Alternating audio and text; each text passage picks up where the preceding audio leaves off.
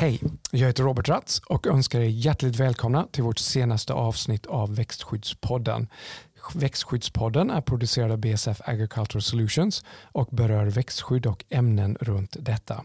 Idag vill vi verkligen prata om växtskydd men då inte vilka växtskydd som helst utan om insekticider. Alltså växtskydd mot skadegörande insekter. Och insekter är, ifall jag förstått det rätt, en av de mest framgångsrika arterna här på jorden. Och eh, enligt eh, Wikipedia så är det faktiskt en djurart som funnits i över 300 miljoner år. Och det ska då tydligen finnas 900 000 olika insektsarter eller typer eh, på, på jorden här. Så det är ju ganska, ganska fascinerande. För mig personligen är ju några väldigt irriterande som myggor som, som älskar att, att, att nafsa på mig medan andra eh, självklart också eh, väldigt bra för natur och miljö medan andra också har en ganska stor skadegörande effekt som till exempel på, på jordbruket. Dessa kan till exempel vara rapsbaggar eller, eller jordloppor eller, eller liknande. Som jag har förstått det så kan man kategorisera ganska grovt insekter i, i det man kallar för stickande, sugande eller tuggande. På engelska piercing, sucking and chewing. Men jag tror lite mer om detta senare. Och insekter de kan också vara bärare av olika sjukdomar, till exempel virus som till, till exempel rötsotsvirus i, i, i stråsäd. Uh, tittar vi på den gruppen av växtskydd som vi då kallar insekticider så är det ju ett, en grupp som det fanns cirka 16 olika varumärken 20, 2005. Uh, 25 år senare, uh, eller förlåt inte 25 år senare, men, men 2015 så var det 25 stycken och förra året så fanns det cirka 24 stycken. Uh, och volymmässigt så ligger det här på cirka 100-150 ton per, per år beroende på vilken typ av år Eh, det är. Eh, bland dessa kan också räknas, det finns olika, olika typer av insekticider. Det finns det man skulle kunna kalla för klassiska kemikalier, men sen också olika oljor eller även eh, feromoner som till exempel RAC 3 plus, plus 4. Men eh, nog, nog, om, nog från mig här i den här inledningen. Vi, vi har ju som vi brukar också ha gäster och eh, vi har också med oss idag vår agronomy manager Thomas Wilt Persson som är tillbaka. Thomas, välkommen. Tack så mycket. Och eh, vi har också med oss Lovisa Eriksson från Jordbruksverket. Eh, Lovisa, välkommen. Tack. Så Lovisa, du sitter ju i, i Linköping på en av växtskyddscentralerna där. Så, och som sig bör, vill du kanske börja med att introducera dig själv och vad din bakgrund är? Ja, just det. Jag är markväxtagronom eh, och jag har jobbat på växtskyddscentralen här i Linköping sedan 2017. Och jag arbetar ju med svamp och insekter och jag har väl lite specialbevakning av just insekter. Och eh, ja, Innan dess arbetade jag utomlands eh, i flera år eh, på Nya Zeeland. Så att eh, ja, jag kom tillbaka hem igen och började om med det svenska jordbruket kan man säga. Okej, okay. så i din engelska har du en sån härlig nyzeeländsk dialekt då eller? Ja, jag har ju fått med mig den här the kiwi twang som det kallas. Mm. Ja. Nej, men spännande. Så, nej, vad kul. Och vad, i Nya Zeeland, vad, var du också inom jordbruk, tänker jag du jobbade då eller? Ja, jag jobbar som nationell produktutvecklare för eh, Bayer. Så okay. att jag har jobbat då med försöksverksamhet väldigt mycket för registrering av produkter. Ja, och vad skulle du kanske då säga, nu, nu ska jag inte ha en djupdykning i Nya Zeeland, men jag tycker bara det är så spännande. Vad, liksom hur, ifall du skulle sammanfatta jordbruket i Nya Zeeland, vad är det som karaktäriserar det, grödor, jordbruk, storlek? Hur, eh, hur, hur, ja, hur skulle du sammanfatta det? Ja, det är ganska svårt att sammanfatta det. För dels är det två öar och de mm. har ju lite olika förutsättningar. Ehm, där man producerar mycket mer frukt och grönt på Norden då och väldigt mycket mer traditionella spannmålsgrödor på Syden. Mm. Ehm, men ja, lite större lantbruk än i Sverige generellt och framförallt om man tittar på djurgårdar så är de ju väldigt stora, mycket mycket mjölkkor. Eh, och sen också att man kanske har lite djur lite mer integrerat i växtodlingen är väl den största skillnaden. Mm. Eh, skulle jag säga. Nästan alla växtodlingsgårdar har också lite djur. Okej. Okay. Var det några specifika insektsproblem som, som vi inte har här som var viktiga där? Det var det naturligtvis, men eh, om du tar något exempel? Ja, det finns en del så kallade grass scrubs som bara existerar i Nya Zeeland och då eh, är svåra för etablering av vall och eh, vallfröutsäde. Okay. Så där, det är ju lite speciellt. Men eh, i övrigt har de tyvärr fått in väldigt många av eh, de insekter som vi har problem med i Europa. Man har ju haft väldigt eh, täta kontakter med Europa mm. historiskt. Så att säga. Så att, eh, I övrigt var det väldigt mycket lika, lika problem. Mm. De är väldigt strikta med tillresande. Alltså jag, jag har varit där en gång och det jag minns bland annat är att man blir så noga kontrollerad alla väskor och sånt där också så man inte hade någon frukt eller någonting sånt med sig. Ehm, jag antar att det är för att skydda den inhemska produktionen från nya skadegörare och så. Men, ehm, men det har naturligtvis kommit dit. Det kommer ju dit ändå. Men de har, de har varit väldigt noggranna tidigare i alla fall med att skydda sig mot ehm, nya skadegörare. Ja, det är de ju fortfarande och det handlar ju inte bara om produktionen. Men nu är ju Nya Zeeland ett väldigt stort jordbruksland för sin, för sin ringa storlek så att säga. Men mm. sen är det också deras eh, naturliga flora som behöver skyddas. Den är väldigt unik. Så att de har två mål med sitt skydd. Ja, just det. Mm. Nej, vad spännande. spännande. Ja. Och eh, då om vi bara riktar blickarna då mot Sverige här. Vad skulle du säga, men vad är det som du tycker är mest spännande i, i din roll nu här på Jordbruksverket och Växtskyddscentralen? Dels är det ju att eh, man gör ungefär samma saker varje år men det är ändå helt olika varje år. Eh, därför att det är ett så pass föränderlig säsongerna. De, kommer, alltså de är olika, de ser inte likadana ut. Ja, det, det blir en naturlig variation. Och sen är det det här att försöka hitta lösningar på problem. Mm. Det är väldigt eh, intressant. Det är inte alltid man lyckas, men att börja nysta i det, att börja ta tag i det i alla fall. Mm. Ja, spännande. Så, nej men bra, Thomas, du började ju leda in lite här på dagens tema, vilket var, var, var jättebra här, lite med uh, insekter och, och insekticider. Så uh, ja, Lovisa, för att, kanske en konstig fråga till att börja med här, men personer som studerar insekter, vad, vad heter de? Ja, de kallas ju för entomologer. Mm. Är, det, det, är det ovanligt i Sverige med den typen av utbildning? Vet du det? Eller är det... Nej, jag skulle inte vilja säga att det är ovanligt. Vi har väl ganska, ganska många mm. entomologer och eh, faktiskt en hel del mm. duktiga entomologer också. Mm. Nej. och jag, jag skulle säga att historiskt sett så har vi också haft många duktiga entomologer. Mm. Nej, för jag vet, jag ju, inom BSF har jag också träffat väldigt många och det, jag tycker det är fantastiskt hur passionerade de är. Liksom vilken passion de visar just för det här ämnet med eh, insekter och, och, och, och, det hela. Så, nej, men, men eh, som jag också sa i min inledning här så sa jag att grovt sagt så kan man ju kategorisera eh, insekter i eh, stickande, sugande och och tuggande. Men ifall jag kommer ihåg korrekt så tror jag det finns sex vad ska man säga, huvudgrupper. Uh, vad heter de? Hymen, nu kan man säga det på engelska, men Hymenoptera och Coleoptera. Vad, Lovisa, vilka är dessa grupper och, och hur skulle du beskriva dem? Ja, alltså de kallas ju för ordningar och mm. vi har eh, faktiskt 26 stycken i Sverige. Okay. Så de är lite fler än de här sex. Ja. Men vi har våra huvudsakliga skadegörare i sex av ordningarna. Ja, det var det jag eh, menade. det är väl därför vi ofta pratar om sex ordningar. Ja. Och, eh, ja, och de som vi framförallt hittar våra skadegörare i, det är ju skalbaggar och tvåvingar, halvvingar, steklar, fjärilar och tritsar. Sen har vi turen att slippa den här stora gruppen med gräshoppor och eh, syrsor och den typen av skadegörare. Vi har ju dem, men de är inte skadegörare i vårt land på det sättet. Mm. Men de, ja, de som vi kanske märker mest är väl skalbaggarna. De, de syns ju tydligast. Eh, så att, eh, och där har vi sånt som rapsbaggar och eh, vivlar. De har ju hårda skal, ofta glänser de, alltså hårda täckskal som skyddar deras flygvingar. Och ofta har de mönster och färger som gör dem tydliga och synliga för oss. Mm.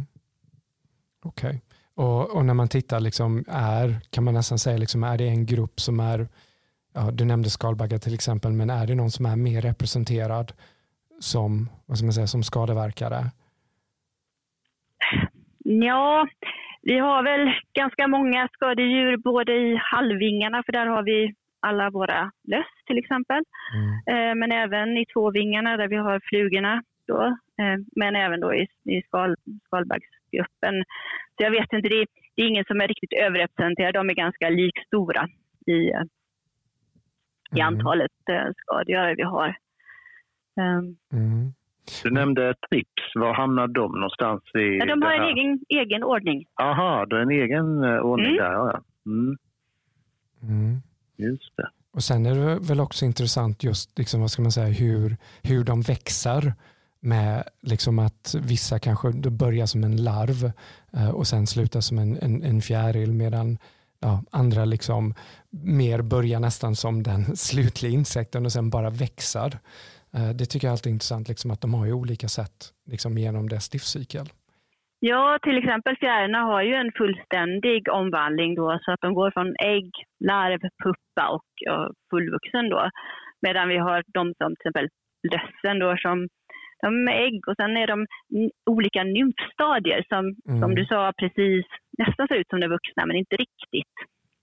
Och sen blir de en vuxen individ. Mm. Precis. Mm.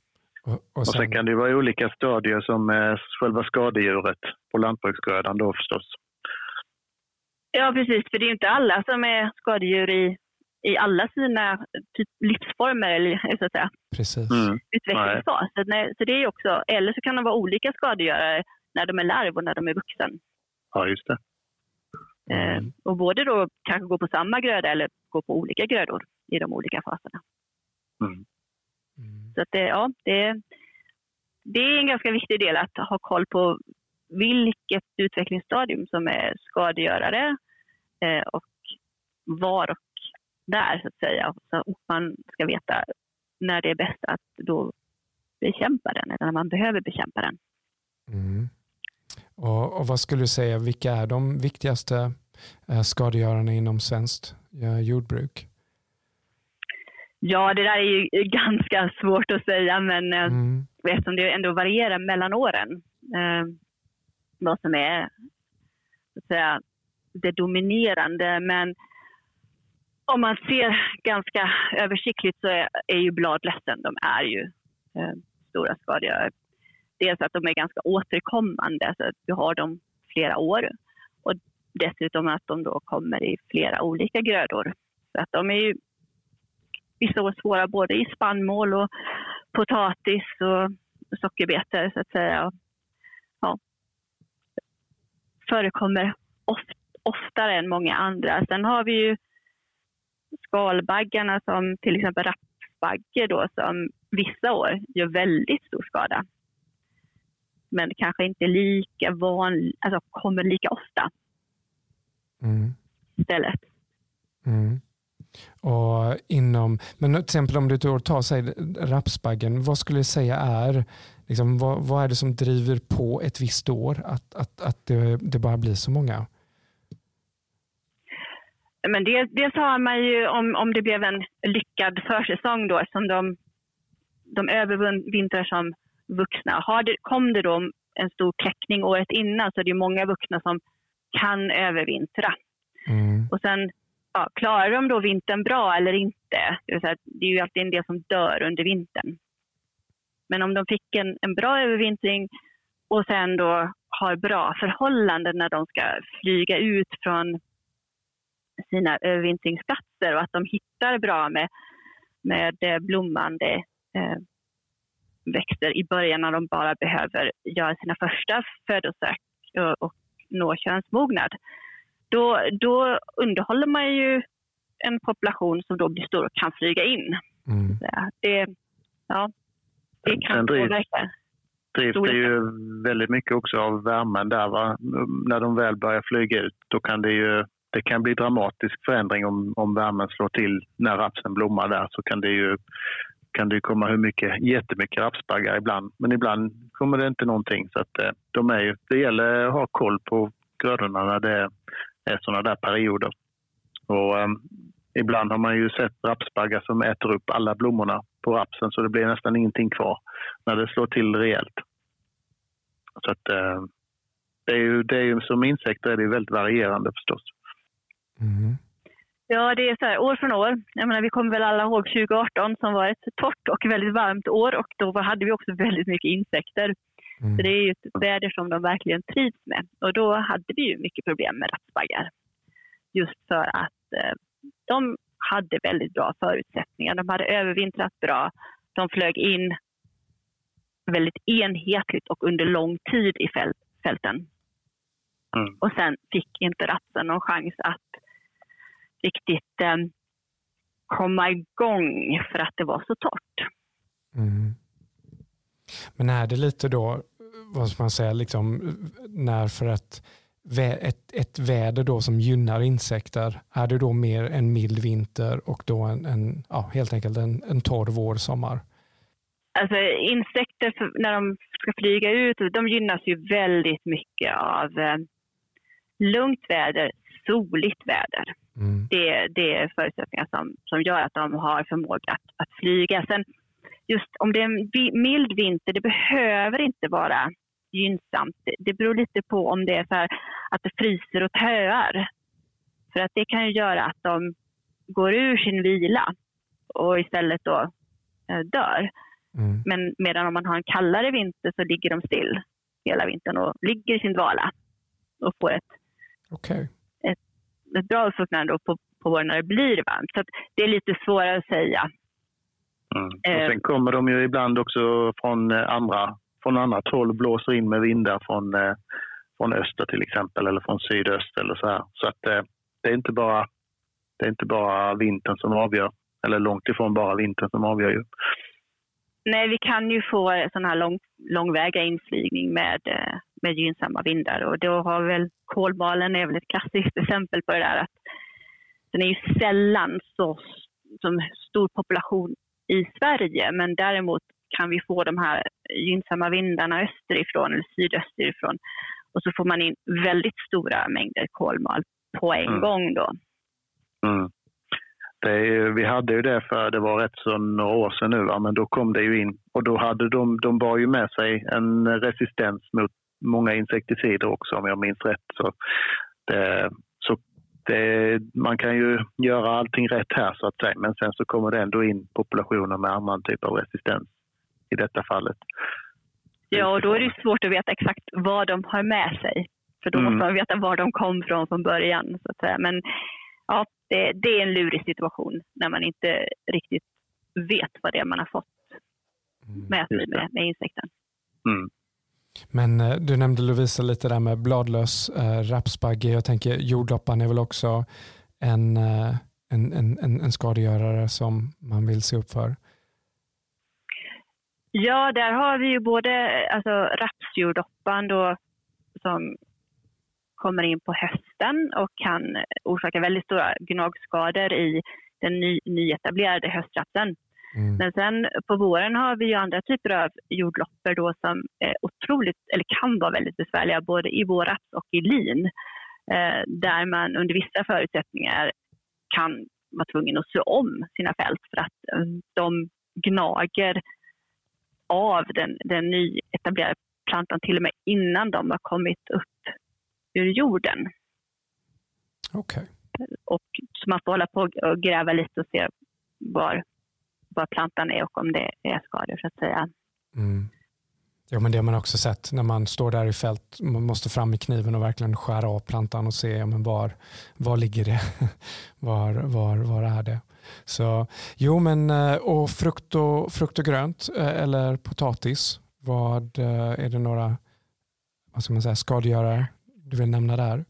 Ja, det är ju ja, vi har ju ett antal skade, skadegörare här. Men något som har seglat upp på, på sistone nu i frilandsgrönsaker är ju att vi har en fyrtandad rapsvivel som har ändrat sitt beteende lite.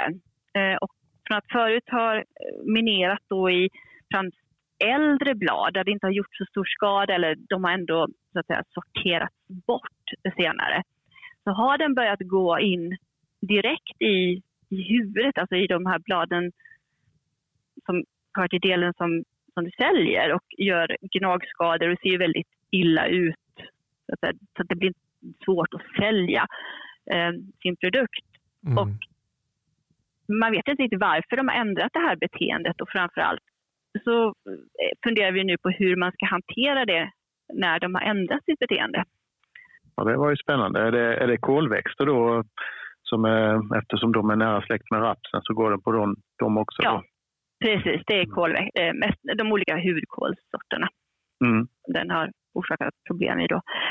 Och just det här att den, den har ändrat sättet att bete sig. Från att inte ha gjort den här typen av skada så har den plötsligt börjat göra, göra det. Och då, då kan man både förstå det här med varför eller hur den kommer dit och hur den gör sin skada men också hur man behöver hantera den och hur man ska bekämpa den in, motverka den här skadan. Ja, um, och sen vad gäller frukt då så har vi det här året har haft ganska stora problem med plommonvecklare. Uh, som är en insekt som i dagsläget inte går att bekämpa. Uh, och den flyger under så lång tid av sommaren och det är därför den är ett problem då. Så att det har ju varit nära att en del odlare har gett upp eller är nära på att ge upp att den blir för svår att klara av i odlingen helt enkelt. Okej, okay. och nu, nu kommer det en dum fråga här, men plommon, uh, är det bara då för plommon eller de angriper också andra typer av stenfrukter? Just plommonvecklaren är, har gått på plommon i det här fallet. Mm. Vi har andra vecklare, till exempel i, i äpple då, äpplevecklare, men den, mm. den klarar vi av att hantera ganska bra i nuläget. Mm. Okay. Men den är ju en potent, väldigt potent skadegörare mm. om vi inte hade hanterat den, men den klarar vi av att hantera. Jag tänker på det här eh, du nämnde om eh, skadorna där i kolväxter som eh, var det rapsvivel som hade fyrtandad rapsvivel. rapsvivel. Hur upptäckte man det? Var det, kontaktade, var det odlare som kontaktade växtskyddscentralen eller var det i de här bevakningsprogrammen man upptäckte det?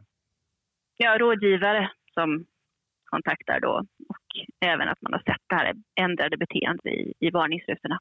Ja, så det var som en ny typ av skada då som man inte ja. kände igen och så upptäckte ni att det var, det var fyrtandade rapsliven som, som låg bakom det hela? Ja, man hittade då larver eh, och eh, så försöker man då diagnostisera vad det är för larver. Och man kommer ju så långt som att det är en, sannolikt en vivellarv. Mm. Men sen såg man ju också att det var ett ökat antal av de vuxna individerna eh, på klisterskivor då, som man har ute i fälten. Just det. Mm. Så då gjordes faktiskt en DNA-testning av larverna för att eh, säkerställa att det, det var just fyrkantade. Aha. Ja. Mm. Spännande. Nej men eh, intressant. Vad några andra vad ska man säga, skadegörare antingen här med frukt eller grönsaker eller i potatis du vill nämna?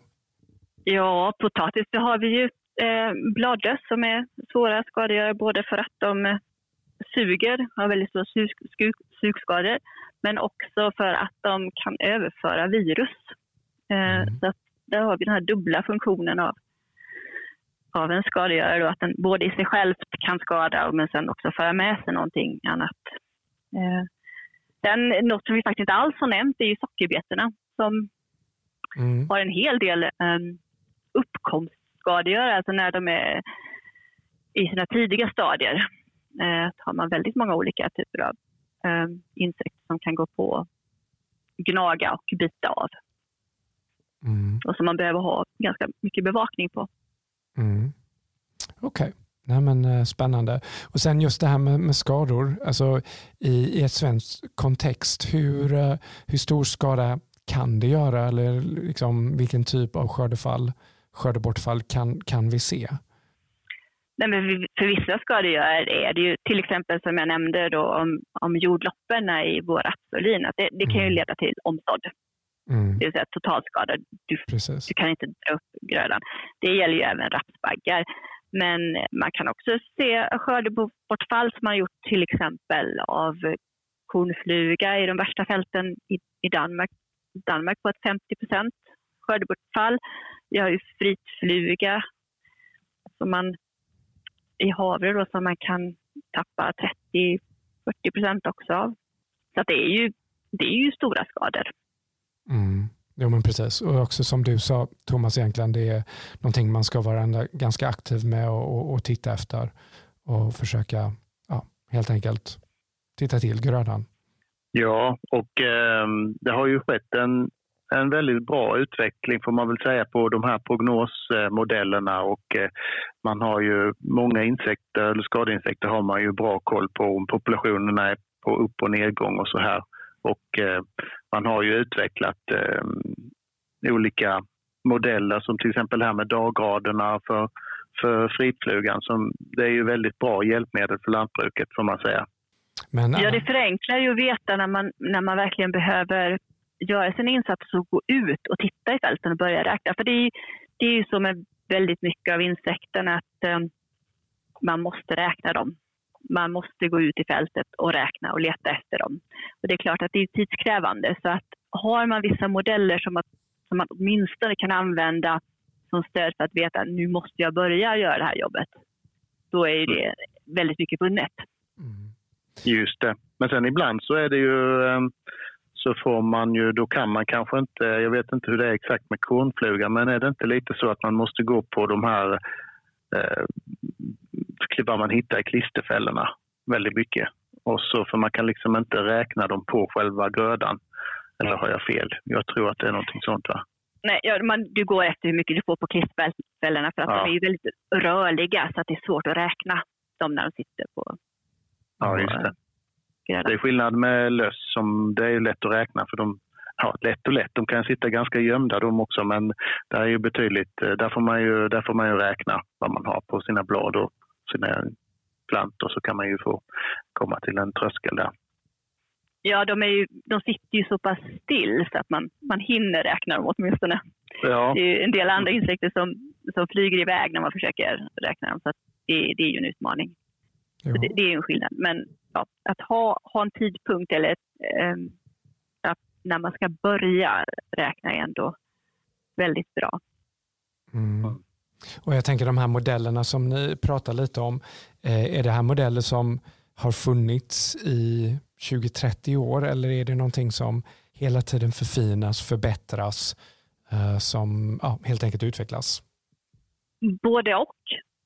Eh, det finns modeller som fortfarande fungerar efter väldigt många år mm. och andra som man kan förfina och använda mer hjälpmedel också. Just det här att till exempel att man räknar, det här med daggrad, att man räknar ut det automatiskt. Mm. Eh, så att eh, man kan gå till en tjänst och få, och få det uträknat så att säga. Mm.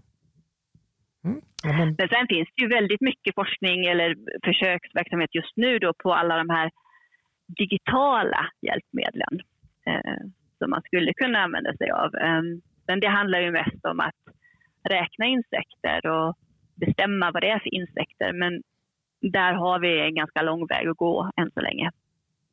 Ja. Det, är, det, är, svårt att lära AI att känna igen insekterna.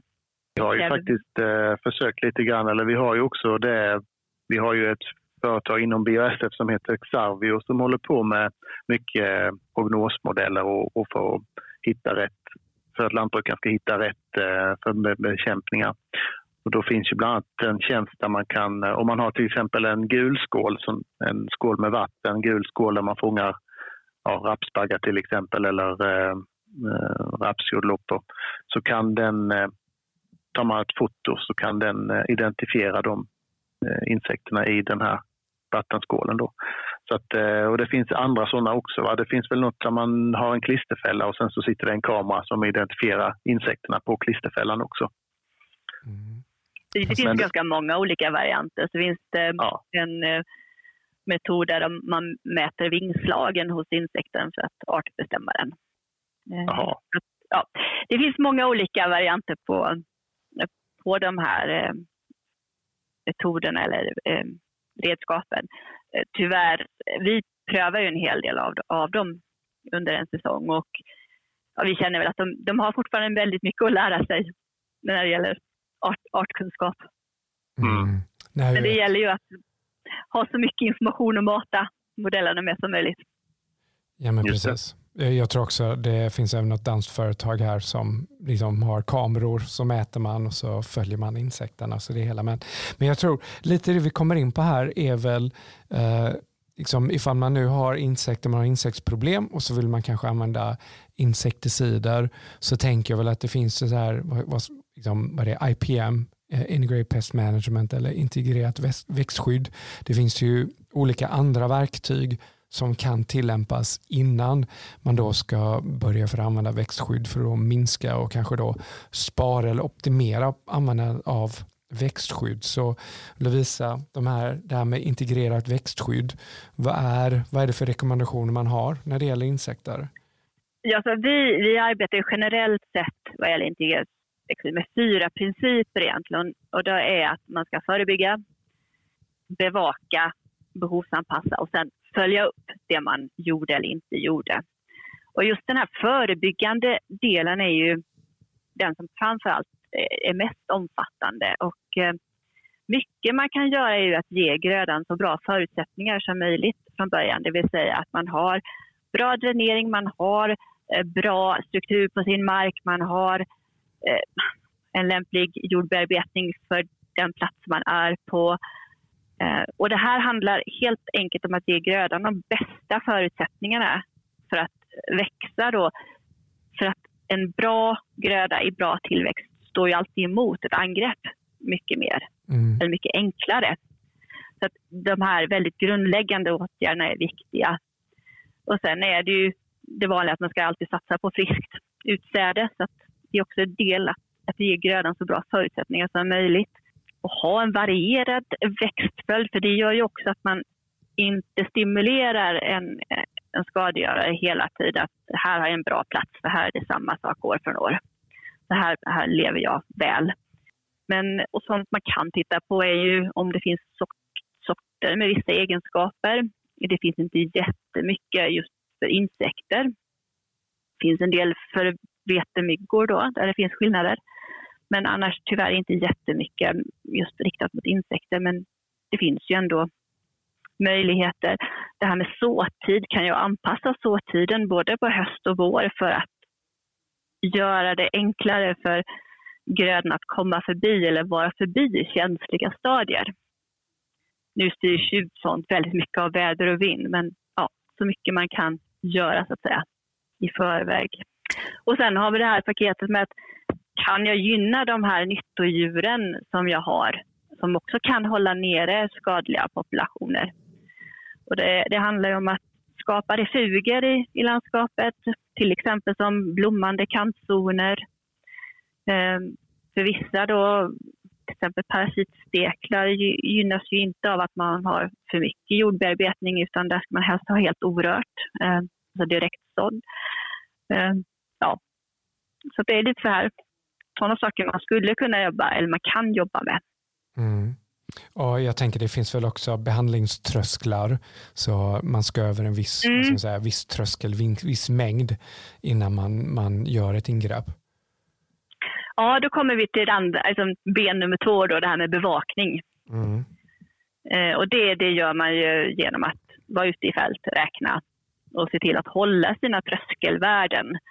För att kommer man inte upp i ett tröskelvärde och, är man inte, och då måste man ju gå ordentligt i fältet. Det räcker inte att titta bara i kanten. Tittar man bara i kanten så har man oftast mycket fler insekter än om du gör ett genomsnitt över hela fältet.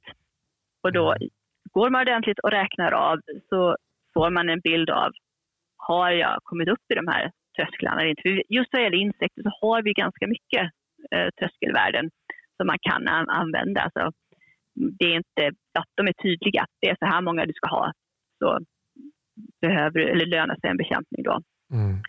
Och sen när man väl har gjort det och man har insett att nu, nu kommer jag behöva uh, bekämpa den här insekten, att man behovsanpassar så bra man kan uh, med tanke på förutsättningarna. Uh, det vill säga, har man möjlighet att välja mellan olika preparat, ja, så kan man ju välja något som passar just det här. Men också tidpunkter, på dagen, eh, kvällen. Hur ska jag bekämpa så att jag får så bra effekt och så lite skada på nyttoinsekter som möjligt. Och sen är det ju väldigt viktigt i sista steget att man faktiskt följer upp det man gjorde. För att det ger ju den kunskapen som man kan ha med sig till andra år. Mm, precis. Och bygga vidare på. Precis. Just det. Men eh, när det gäller insektsskador så kan, fungerar det ju inte med eh, nollrutor va? som det gör när det gäller svamp, eh, om man ska följa upp svamp eller ogräsbehandlingar. Men man kan ju följa upp på andra sätt. Mm, vi har ju nollrutor. I våra, varnings, våra varningsrutor är ju nollrutor. Mm. Så att, eh, det, det fungerar ju. Mm, för, vissa, för vissa insekter för vissa fungerar saker, ja. det. Mm. Ja. Men det är klart att det är svårare att, att spara så stor del att man också får ett bra, säkert skörderesultat. Ja, just det. Det är en sån jämförelse. Ja. Men, eh, ja, men för bladlöss till exempel så är det väl, eh, där går det väl att lämna en nollruta och sen då kan de lär ju vara kvar där så att säga och uppförökas. Mm. Sen eh, finns det väl, jag vet inte, men det finns ju andra insekter som kanske rör sig över större områden där det blir svårt att se skillnad. Men, men, eh, men där det går ska man ju naturligtvis, kan man naturligtvis använda sig av det. Mm. Men om då, som du sa Lovisa, om man då kommer till den punkten där man nu ska vi använda eh, insekticider. Vilka, vilka olika typer av insekticider finns det? Ja, alltså det, det är lite varierande om vi pratar eh, friland, alltså lantbruksgrödor, eller om man pratar växthus. Och växthus har vi väldigt mycket mer i. Eh, när vi pratar framförallt lantbruksgrödor så har vi i, i dagsläget eh, inte så många olika grupper utan det är ju framförallt eh, pyretroider. Eh, vi har även eh, en neonikotinid och sen har vi eh, ytterligare ett ämne, alltså flonikamid som tillhör en egen grupp. Så ehm, då får man ju tänka på, alltså även pyretroider har ju lite olika spektrum och fungerar lite olika. Så det, då får man välja så gott man kan så att säga mot mm. det som man ska bekämpa. Men det är klart att det, det gör ju att man är mer begränsad i, i det här med val av produkt och att kunna specificera sin, sin insats. Mm. Och som du sa, alltså, du, jag tror ifall jag räknar rätt här, du nämnde tre olika grupper, det, det är inte mycket. Eh, så då tänker jag att det ökar ju också, vad ska man säga, en, uh, risken för, för resistens. Uh, och kanske också för att man helt enkelt tröttar ut de insekticider och de insekticidgrupper man, man finns. Så hur, hur skulle du säga att den här resistens, vad är resistensproblematiken med insekticider? Ja, i, I dagsläget då i, i Sverige så är det ju framför, risken är ju framför allt att vi um, använder de få produkter eller från få verksamma ämnen ska vi faktiskt prata med i det här fallet för ofta så att vi får en, en selektion av eh, insekter med, med egenskaper som gör att de blir mer och mer svårbekämpade. Därför att använder vi sam, eh, just det här att insekter kan flytta på sig från en gröda till en annan gröda kan ju göra att du, du först bekämpar dem med en, en eh, preparaten, ett verksamt ämne i en gröda och sen så flyttar sig samma insekter. Då har de redan blivit selekterade en gång till en annan gröda och så bekämpar de, bekämpas de där med samma ämne och då får man ytterligare en selektion. Mm. Så det, det är väl egentligen den största risken nu är att vi har så pass få ämnen att eh, vi kan få resistens väldigt mycket enklare. Eller lättare, jag säga. Jo, men precis. Så, men skulle du säga idag finns det vad ska man säga, tydlig resistens redan mot vissa grupper med vissa insekter eller inte än, utan det är just nu fortfarande mer en risk skulle du säga? Nej, vi har ju redan resistens inom vissa grupper. Rapsbaggar har vi en ganska utbredd resistens mot pyretroider. Även om just, vi har ju, det är lite olika profil på pyretroiderna. Så att vi har ju till exempel Mavic som är en pyretroid men i huvudsak fungerar bra fortfarande. Mm. Eh, men där har vi resistens redan. Eh, och vi har även andra grupper av eh, insekter där vi har eh, resistens, till exempel persikbladlusen då, som vi då ofta får ut in utifrån då, den har ju resistens mot kar karbamater, organiska fosforföreningar som vi inte använder i Sverige längre, mm. men också pyretroider. Så att, eh, det är ju flera som har det här. Sen så har vi ju inom rapsjordloppepopulationen så vet vi att eh, de bär på den här KDR-genen, alltså knockdown resistance. Eh, så att är vi inte väldigt noga med hur vi använder våra bekämpningsmedel så kan vi få en situation med, med resistens där också för att de har den här genen men den är inte på något sätt dominerande i populationen än utan den förekommer men inte i särskilt stor utsträckning. Så där är det viktigt att vi inte selekterar fram den. Mm, precis. Och, och jag vet, det finns ju vissa olika oljor och sånt som också, också används. Är det, men är det kanske då mest in i växthus eller hur, eh, hur, hur, hur är deras, det användningsområdet? Ja, alltså det finns ju lite olika typer av oljor. Det finns ju både ska man säga, organiska eller natur, naturliga oljor och sen finns det ju mineraloljor. Eh, men hit, alltså, den största användningen är ju i växthus men även frilansgrönsaker. Sen har vi inom potatis också då för att eh, med utsädespotatis att hindra virusspridande löss. Mm.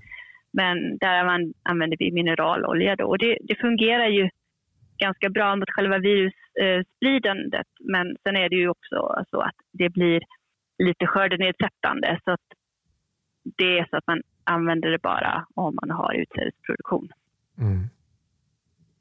Så att, eh, ja, de fungerar ju, men det är ju ganska mycket olja som ska köras ut också. Det, man använder i högre doser. Det är mer, mer mängd som ska köras ut. Precis, precis. Nej, men, eh, och sen eh, Thomas, jag nämnde ju också introduktionen där runt den här RAC 3, 3 plus 4, ett, ett farmon. Vad, eh, den, den funkar ju lite annorlunda för den, det är ingenting, vad ska man säga, det är ju inte något man sprutar eller direkt på en, en, en insekt. Vad, vad, vad, vad, ifall du skulle beskriva den produkten, vad, vad är det? Ja, ja det är ju ett eh, feromon, ett förvirringsferomon som eh, förvirrar hannarna av eh, olika bäcklare, då, specifikt i äpplen och päronodlingar. Och, eh, men det är ett väldigt smart sätt då att man, eh, man kan göra på det här viset. Då. Så den, den tar inte död på insekten men den, den förhindrar uppförökningen då. Vilket också är viktigt här. Så, eh, men det är ju små kapslar som man hänger upp. Eh, det gäller att hänga upp dem innan, innan eh, inflygningen har börjat. Då hänger man upp i april, maj och sen så mm, avger de. Man måste hänga ganska många per hektar eller man ska säga för att det ska täcka in med, med det här. Så avger de det här ämnet, doftämnet, då, feromonet och det förvirrar så att hanarna, hanarna hittar inte honorna. Så det är så det fungerar. Mm. Och de är ju väldigt specifika då, så det verkar bara mot vissa. Varje art har liksom sin, sin feromon så att ehm, de är väldigt, det är inte någon bredverkande mot alla utan det är, det är specifika vecklar som det verkar mot. Då. Mm. Nej, men intressant. Nej, men Louisa, jag tror vi börjar komma lite här mot, mot slutet här, men uh, ifall du kanske skulle sia lite om, om framtiden. Hur, uh, har du en känsla för hur framtiden för insekticider eh, ser ut? Alltså, som det ser ut nu så tror jag att vi fortsatt kommer ha ett väldigt begränsat antal eh, kemiska insekticider att välja mellan. Sen får vi hoppas att utvecklingen går framåt vad gäller till exempel sånt här som feromoner, eh, fysikaliskt verkande eh, produkter istället. Eh, då. Men hittills har det ju varit ganska långsam utveckling på det. Och de, till exempel feromoner man tar fram, de är väldigt specifika mm. till just en art. Så det, det, krävs ju väldigt mycket forskning bakom det. Eh, så att, nej, jag tror att vi, vi framåt kommer ha fortsatt väldigt begränsat med eh, insektsmedel att använda. Och, eh, det gör ju att vi behöver vara väldigt rädda om de vi har och använda dem på ett väldigt förnuftigt sätt. Så att vi ha kvar dem så länge vi bara kan. Mm. Och, och kanske fler biologiska insekts bekämpningsmedel kanske? Eller? Kanske, men kanske framförallt just det här med, med feromoner eller doftämnen då mm. och mer fysikaliskt verkande produkter. Okay. Som det här med oljor och såpor till exempel. Ja. Nej men, nej men precis.